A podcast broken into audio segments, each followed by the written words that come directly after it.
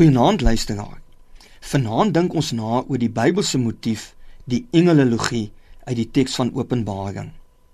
Die term engelologie kom van die Griekse woord angelos af wat hoofsaaklik as engel vertaal word.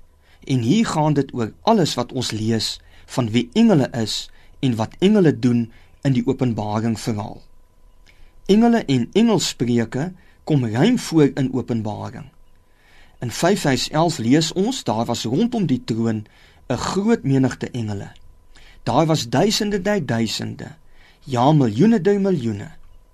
Johannes adresseer die sewe briewe wat hy skryf ook aan die sewe kerke, aan die engel van elke kerk. Dit hou verband met die agtergrond van die teks dat in daardie tyd 'n stad 'n beskermengel gehad het en die plek en rol van gode en engele in mense se lewe was in werklikheid. In Openbaring 1:1 lees ons Jesus Christus het sy engel gestuur om sy dienaar Johannes alles te laat sien. En in 22:6 lees ons die Here God wat sy gees aan die profete gegee het, het sy engel gestuur om vir sy dienaars te wys wat binnekort moet gebeur. In Openbaring 14:6 lees ons Johannes het 'n engel hoog in die lug sien vlieg wat 'n goeie boodskap gedra het wat vir ewig van krag bly.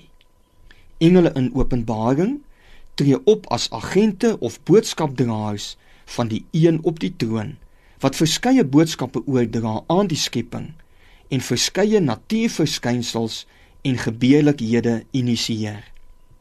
Daar is vandag nog mense wat getuienis lewer hoe hulle op verskillende wyse engele verskynings en openbaringe ervaar het as geestelike belewings.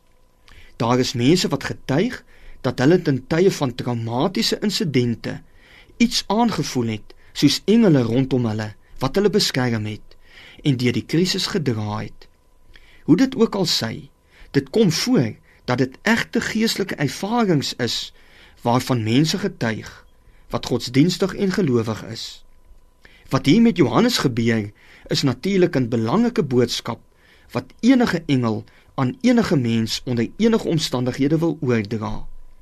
Dit is toe Johannes in 19:10 en ook weer in 22:6 voor die voete van die engel neerval en dan word hy deur die engel self tereggewys met die woorde: Pas op, moenie.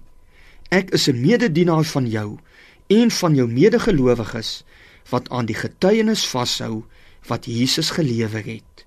Aanbid God. Here ons God, ons wil U alleen aanbid. Dankie dat daar engele en geestelike wesens kan wees wat ook aan ons goeie boodskappe bring. Maar bewaar ons daarvan dat ons hulle sal aanbid en na hulle sal luister, maar U alleen sal aanbid en na U alleen sal luister. Amen.